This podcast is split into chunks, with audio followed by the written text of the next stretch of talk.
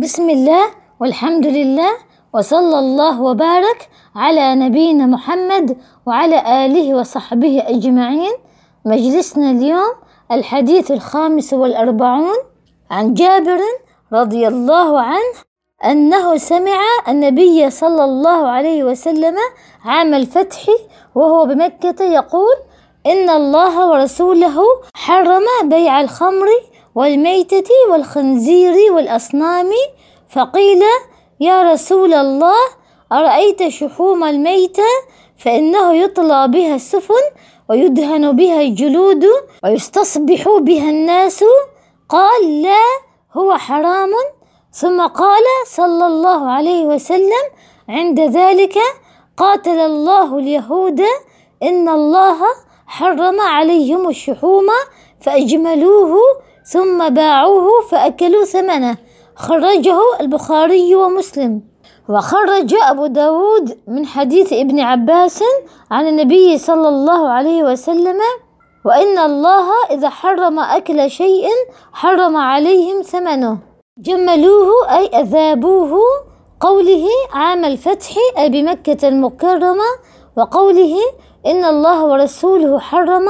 قال قرطبي تأدب الرسول صلى الله عليه وسلم فلم يجمع بينه وبين اسم الله في ضمير الاثنين لأنه من نوع ما رد به الخطيب الذي قال ومن يعصهما ووجه الإشارة إلى أن أمر النبي ناشئ عن أمر الله وهو نحو قوله والله ورسوله أحق أن يرضوه وقوله حرم بيع الخمر والميتة الخمر أي التجارة في الخمر وشربه واتفق العلماء على أنه لا يجوز للمدخن أن يضر أهله وأولاده بسمومه فالدخان خبيث الرائحة خبيث العمل في جسد الإنسان خبيث العاقبة.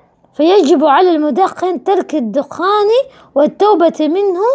كيف يتلو كتاب الله ورائحة الدخان تنبعث من فمه وكيف يلامس لسانه السيجارة وهو يذكر الله سبحانه وتعالى يسبحه ويحمده كما قال تعالى والذين يؤذون المؤمنين والمؤمنات بغير ما اكتسبوا فقد احتملوا بهتانا وإثما مبينا وحرم الميتة وهي ما زالت عنه الحياة بغير ذكاء شرعية وهي حرام بالكتاب والسنة والإجماع والإجماع على تحريم بيع الميتة ويستثنى من ذلك السمك والجراد.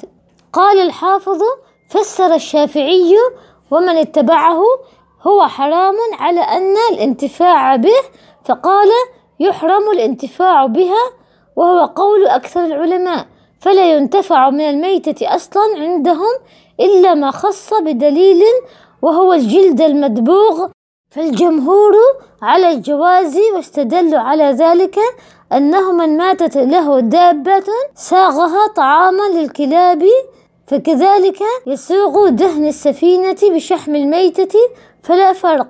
لذا قال الحافظ الحرام هو البيع للانتفاع. عن ابن عباس أنه صلى الله عليه وسلم قال وهو عند الركن قاتل الله اليهود أي لعنهم لعن الله اليهود لأنه حرم عليهم الشحوم فباعوها وأكلوا ثمنها لأن الله إذا حرم على قوم أكل شيء حرم عليهم ثمنه. وقال الحافظ أنه النهي عن بيع الأصنام للمبالغة في التنفير منها ويلتحق بها في الحكم الصلبان التي تعظمها النصارى ويحرم نحت جميع ذلك وصنعته. وقال ويستثنى من الميتة عند بعض العلماء ما لا تحله الحياة كالشعر والصوف والوبر فإنه طاهر فيجوز بيعه. وهو قول أكثر المالكية والحنفية. وزاد بعضهم عظم الميتة وسنها وقرنها. وقال شيخ الإسلام وقرن الميتة وعظمها وظفرها وما هو من جنسه كالحافر ونحوه طاهر وقوله والخنزير جواز قتله مطلقا على رأي الجمهور. قاعدة وهي إبطال الحيل والوسائل إلى المحرم. حديث ابن عباس أن رجلا أهدى لرسول الله صلى الله عليه وسلم راوية خمر أي جرة خمر فقال له الرسول صلى الله عليه وسلم هل علمت أن الله قد حرمها؟ قال لا. قال فسار إنسانا. فقال له رسول الله صلى الله عليه وسلم بما سررته؟ قال أمرته ببيعها. قال إن الذي حرم شربها حرم بيعها. قال ففتح المزاد حتى ذهب ما فيها. والحاصل من هذه الأحاديث أن ما حرم الله الانتفاع به فإنه يحرم بيعه وأكل ثمنه كما جاء مصرحا في الرواية المتقدمة هذا وصلى الله وبارك على نبينا محمد وعلى آله وصحبه أجمعين.